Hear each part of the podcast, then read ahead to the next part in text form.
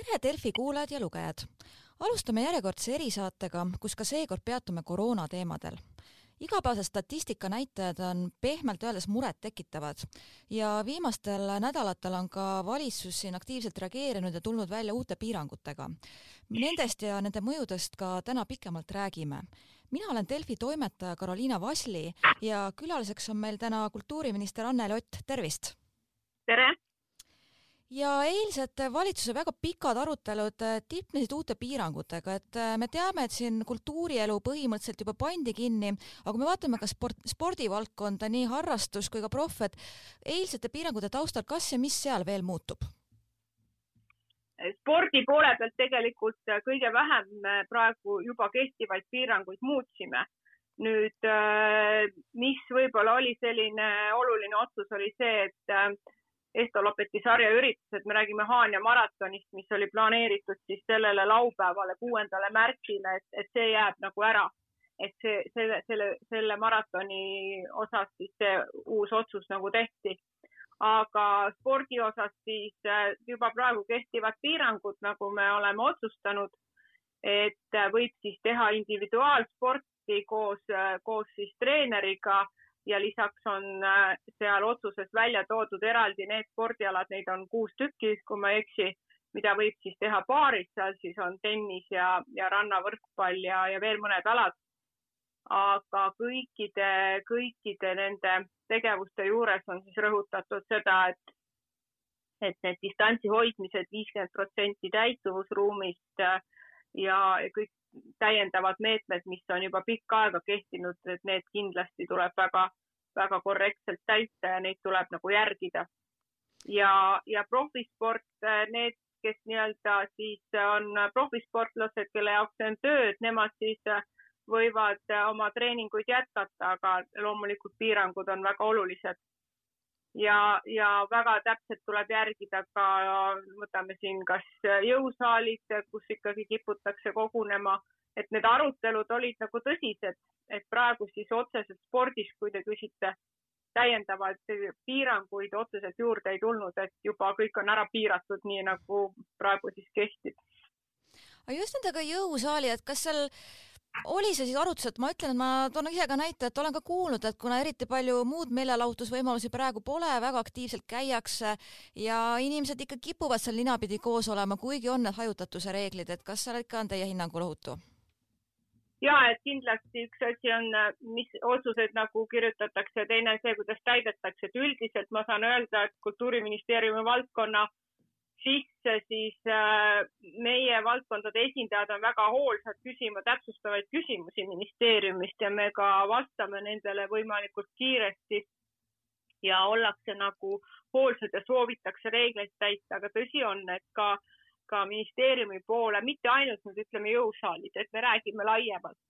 on tulnud tagasisidet, et mitte igal pool seda ei järgita. loomulikult oli ka valitsuse istungil neid näiteid, et poliitikud samamoodi käivad teates ja käivad, käivad muuseumis või käivad jõusaalis. et neid näiteid kahjuks on ja me arutasime ka tõsiselt ju seda, et kõik kinni panna, et, et see on, see on ju ka tõsi, et, et ka need, need võimalused olid, olid arutluse all, aga aga me siiski rõhutame veel kord üle, et siin on vastutus kõigil üldine või ühine ja, ja me väga, väga nagu rõhutame seda, et piirangutest tuleb kinni panna, sest et pidada, sest vastasel juhul tõesti me peame absoluutselt kõik sulgema, sest et eesmärk kontakte viia võimalikult madalale, et viirus ei saaks levida. see, see ju katab kõiki valdkondi kas eelmine nädal, no kultuurisektorile tuli ikkagi väga valusalt see hoop, et äh, täiesti juhe seinast tõmmata mõneks ajaks kõik välja, kas olid mingid variandid siiski arutusel, et kindlasti olete ise ka käinud äh, viimasel ajal ka teatris ja nii, et inimesed ikkagi püüdlikult kanti maske, hoiti distantsi, et tundus, et äh, seal ikka püüti selle poole, et oleks võimalik jätkata no kui me vaatame laiemalt, siis meie kultuur on tegelikult äh, mitmete kuude vältel olnud äh, avatud rohkem kui tegelikult kogu Euroopas, et Euroopa on olnud ikka mm, kordi rohkem suletud kui, kui Eestis. aga kahjuks need eelnevad otsused, kus me oleme erinevaid piiranguid rakendanud, ei ole viinud meid selleni, et, et need näitajad oleks hakanud langema. et see kriis on tänaseks äh,, ei ole enam lokaalne, selles mõttes, et me ei saa rääkida mingitest konkreetsetest piirkondadest. et äh, siin need näitajad on äh, väga halvad ja murettekitavad üle kogu Eesti ja ühe piirangu leevendamine või painutamine tõstab teises valdkonnas ja tegevuses seda riski jälle kõrgemaks. nii et selles mõttes need on sellised väga laiad ja pikad arutelud, et eks te kindlasti olete ise tunnetanud, et valitsuse otsused võtavad aega, aga siin on ka see põhjus, et kui eelmisel kevadel see kriis algas, siis oli see, see riskitunnetus ja mõju ju teadmata ja need otsused olid hoopis teisel tasandil, et praegu läheb otsustamine äh, iga korraga järjest keerulisemaks. otsuseid tuleb järjest rohkem läbi mõelda, põhjendada. kogu ühiskonna üldine väsimus erinevatest piirangutest sinna juurde. nii et selles mõttes ma ei saa nagu praegu öelda, et ei oleks arutatud, et muidugi me arutame kõiki variante ja, ja püüame leida seda tasakaalu, aga täna kahjuks on tõesti nii, et, et need paindlikud lähenemised ei ole toonud soovitud tulemust, me ei ole saanud neid näitajaid sellisele tasemele, et me saaksime pigem olla nii-öelda liberaalsemad nendes otsustes. Ja, ja see ongi see põhjus, miks, miks kahjuks ikkagi need otsused tulevad pigem kitsendavad kas ka ministeeriumi poolt on ka, ütleme siin juba muuseumi esindajatega ka suheldud, et seal oli väga teravaid reaktsioone, kus hakati isegi rääkima, et võib-olla seal kaubanduskeskused teevad lobitööd ja nemad saavad endale paremad tingimused, et no eks see muidugi ka loomulik reaktsioon, et kui on tunda seda valu, et nüüd tuleb ikkagi uksed kinni panna. no me peame mõistma seda, et, et et kõigil, kõigil inimestel on keeruline selle kriisiga, järjest rohkem keeruline selle kriisiga toime tulla ja need piirangud, mis puudutavad kellegi valdkonda, elutööd, igapäevast tööd otseselt, et sealt, seal loomulikult reageeritakse. ja kui need piirangud oluliselt muutuvad, et kui on juba pikka aega olnud, siis on, siis on seal võib-olla tehtud äh, nii-öelda otsuseid, mis on elu ümber korraldanud, on muutustega kaasa mindud, äh, on neid, kes äh, olemasolevate piirangute raames on kohanenud aga kui need piirangud otseselt äh, tulevad nagu täiesti uued, siis on see reaktsioon ju täiesti arusaadav ja mõistetav, eks ju. aga nendel piirangutel on arutelud taga ja, ja põhjendused, valitsus väga täpselt kuulab ka Teadusnõukoja ettepanekuid. meie teadlaste positsioonid selles on täna, ma julgeks öelda, juba palju rohkem piirangutele suunatud, kui, kui valitsuse otsused lõpuks on tulnud, et me oleme kaalunud erinevaid, erinevaid võimalusi muuseumide osas, noh, arutelu käik äh, päeva jooksul lausa muutus, et, äh, et ikkagi, kui me ühe valdkonna sees teatud tegevused paneme kinni, siis inimesed äh, hakkavad ju otsima endale nagu täiendavaid või teisi võimalusi, kuidas oma vaba aega veeta, kuidas oma nii-öelda kultuurilist äh, vajadust rahuldada ja, ja muuseumid on kindlasti üks võimalus selleks, eks. et samamoodi ka koolid võib-olla oma programmide mitmekesistamiseks ja nii edasi. küsimus on ju selles, kuidas kontakte vähendada mitte ainult selles ruumis sees, vaid äh, kogu, kogu selles, kogu Eestimaa pinnal, et sinna muuseumisse peab kuidagi jõudma, sa, sa tuled kodust välja, siis sa lähed veel kuskilt tee pealt läbi. Äh, muuseumis äh, tekivad kahjuks ikkagi, kuigi neid vastuväiteid on palju,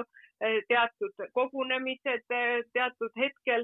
et, et ja siin nagu noh, vaielda on nagu väga keeruline, sest et lõpuks on see, et nagu ma ütlesin, et ka poliitikud käivad muuseumis ja ja eks see tagasiside tuleb meile nagu erinevaid kanaleid pidi, et muuseumid on ka muidugi erinevad, eks, et väiksemad muuseumid, suuremad muuseumid, keskustest kaugemal, lähemal. et probleem on arusaadav, aga, aga eesmärk on ju kõigil üks, eks, et kontakte viia miinimumini ja selleks tuleb, tuleb kahjuks neid meetmeid rakendada kui ka ajakirjanikuna, kui ma ise olen ka suhelnud siin kultuurivaldkonna inimestega, ma olen mõned korrad kuulnud, et torgatavad, et nii, et teie intervjuudes jääb kõlama, et sport on pigem esmane ja et kas kultuur teid nii väga huvitabki, et kuidas teil selle balansi leidmisega on, et küsiski. no siin ma pean küll ütlema, et see on pigem ikkagi ajakirjandus, kes esimesest päevast ja esimesest hetkest hakkas ise seda rääkima tulenevalt minu, äh, minu võib-olla haridusest ja, ja, ja tegevustest, et, et see oli nagu see, millele ma pidin võib-olla hakkama äh, tasakaalukaid vastuseid otsima, et, et see ei ole nagu kuidagi, ma ei olnud veel tegelikult ministrina väga tööd alustatud, alustanud, kui kui selline, selline järeldus oli juba tehtud et, et siin mina nagu ennast äh, väga kaitsma ei pea, sest et, äh, et see ei ole minu otsuste nagu taga, vaid see pigem on eeldatud, äh, eeldatud positsioon enne seda, kui ma jõudsin ministrina tegutsema hakata. aga ma arvan, et siin ei pea nagu, see ei ole nagu põhjendatud, et ma arvan, et kõik valdkonnad ministeeriumis on erinevad ja, ja ühel päeval perioodil nädalas on võib-olla ühed teemad rohkem laual kui teised, aga, aga kindlasti see tasakaal on väga-väga normaalne ja tähtis ja, ja ma ei leia, et, et, et siin nüüd otseselt sellist seost saaks luua. et noh, loomulikult peab nagu vaatama, et kuidas ka aastate lõikes varasemalt on see tasakaal olnud ja võib-olla siin on nagu mõned momendid, mida peaks nagu üle vaatama ja rõhuasetused, aga meie saja päeva plaanis on sees ja ka valitsuse tööplaanis on sees äh, kõik valdkonnad, mis Kultuuriministeeriumi all on, et me oleme proovinud seal tasakaalu leida ja, ja neid valdkondi nagu kõik võrdselt kohelda, nii et, et selle hirmu ma nagu võtaksin küll maha, et, et see ei ole nagu põhjendatud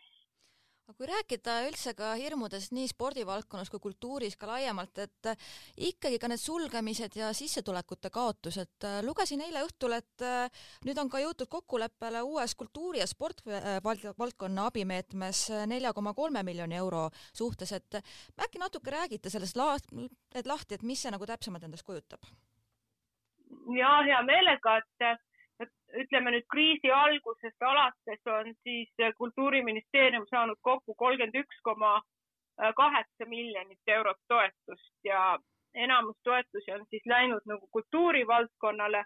kõige suurem pakett oli siis eelmisel kevadel, mis oli siis kultuurile kakskümmend viis koma kaks miljonit ja, ja spordivaldkonnale kolm miljonit teine pakett oli kuus koma kuus miljonit, millest siis kultuurile läks enamus viis koma seitsekümmend viis ja spordile null koma üheksa, noh, seal oli see Ida-Virumaa ja Harjumaa äh, kultuurikorraldajate ja kultuuriettevõtete toetus, mis oli kolm koma kaks miljonit ja see on siis hetkel veel äh, nii-öelda väljajagamisel, et, et need vahendid siis eelmise aasta eelarvest siia eelarve, selle aasta eelarvesse on valitsuse otsusega vaja üle tuua ja me loodame, et valitsus seda võimalikult kiiresti ka, ka teeb, et see taotlus meie poolt on nagu esitatud. et siis me saame ka need välja maksta, nüüd see viimane pakett siis äh, neli koma äh, nelikümmend kolm, kui ma ei eksi, miljonit on siis niimoodi, et kaks koma kaheksa sellest on siis äh, need kultuurikorraldajad ja ka tegelikult spordivaldkond, kes on siis võlaõigusseaduse alusel nagu töötavad ja lisaks on siis äh, loovisikutele üks koma viiskümmend neli miljonit. et äh, eelmises paketis oli ka loovisikutele üks koma seitse miljonit minu teada ja, ja see, selles osas on ka meil seadusemuudatus siis tulemas, et, et loovisikud saavad siis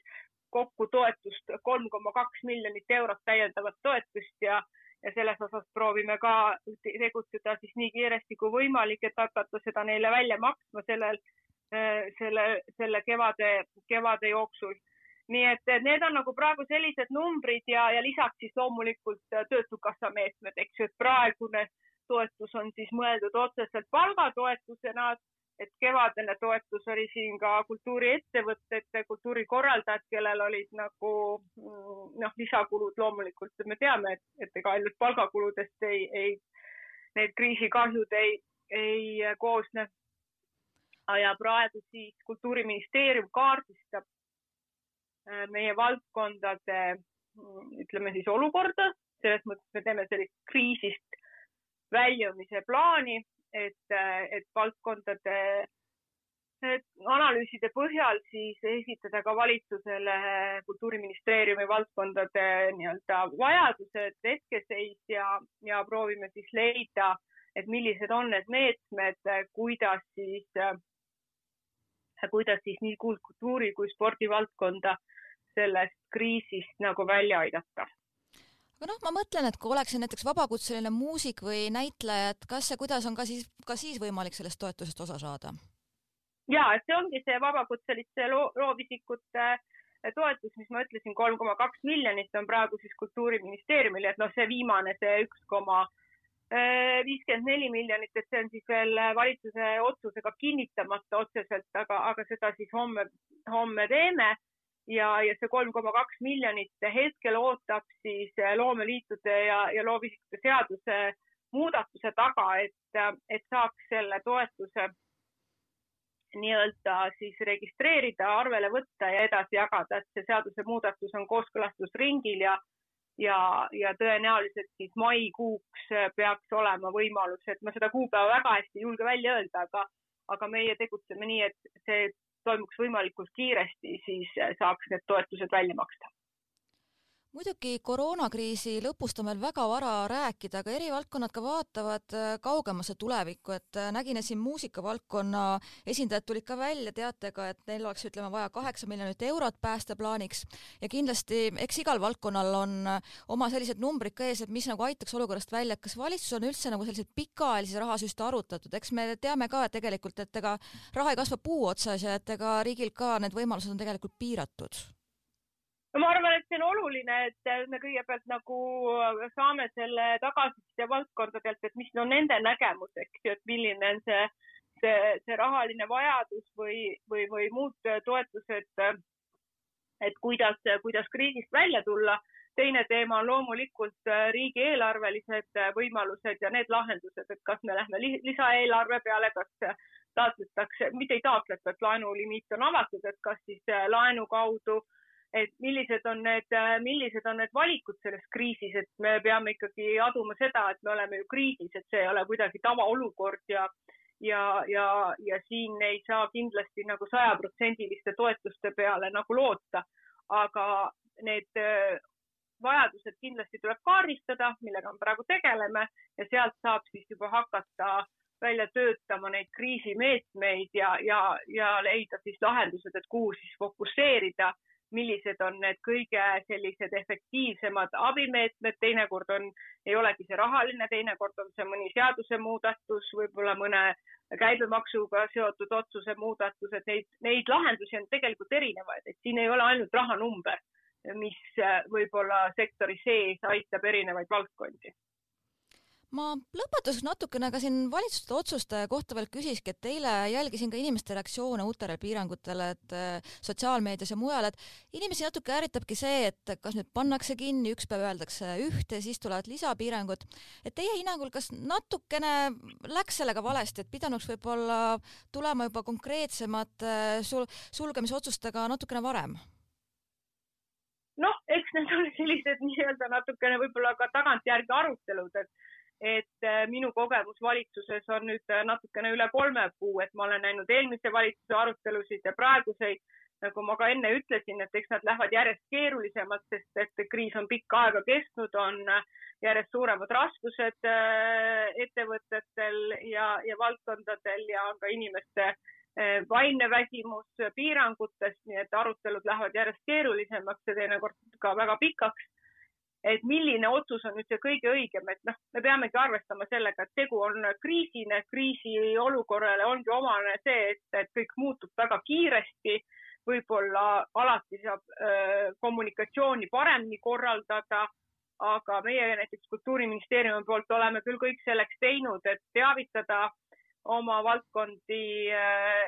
ja, ja ma pean tunnustama ka neid, et me oleme väga tihedas suhtluses ja me saame väga kiiresti tagasisidet, kui on mõned piirangud, mis on jäänud segaseks, proovime neid selgitada, rõhutame nende täitmise olulisust ja, ja see koostöö on küll minu hinnangul praegu päris, päris hea kas võib nüüd öelda, et mõneks ajaks on vähemasti piirangud paigas, et siin vähemasti nädala jooksul või nii, et millegi uuega välja ei tule, et vaadatakse ka, et sest need tulemused ei tule nii-öelda paari päevaga? ja piirangute mõju hinnatakse paarinädalase tsükli alusel ja praegu on ju märtsi lõpuni siis need piirangud praegu otsustatud ja, ja loodetavasti äh, siis meie kõigi ühise pingutuse ja võimalikult äh, täpse piirangute täitmise tulemusena ikkagi see, need haigusnäitajad äh, hakkavad langema ja me ei pea täiendavate piirangute peale mõtlema, et, et väga-väga loodame kõik seda loomulikult. selge ja aitäh teile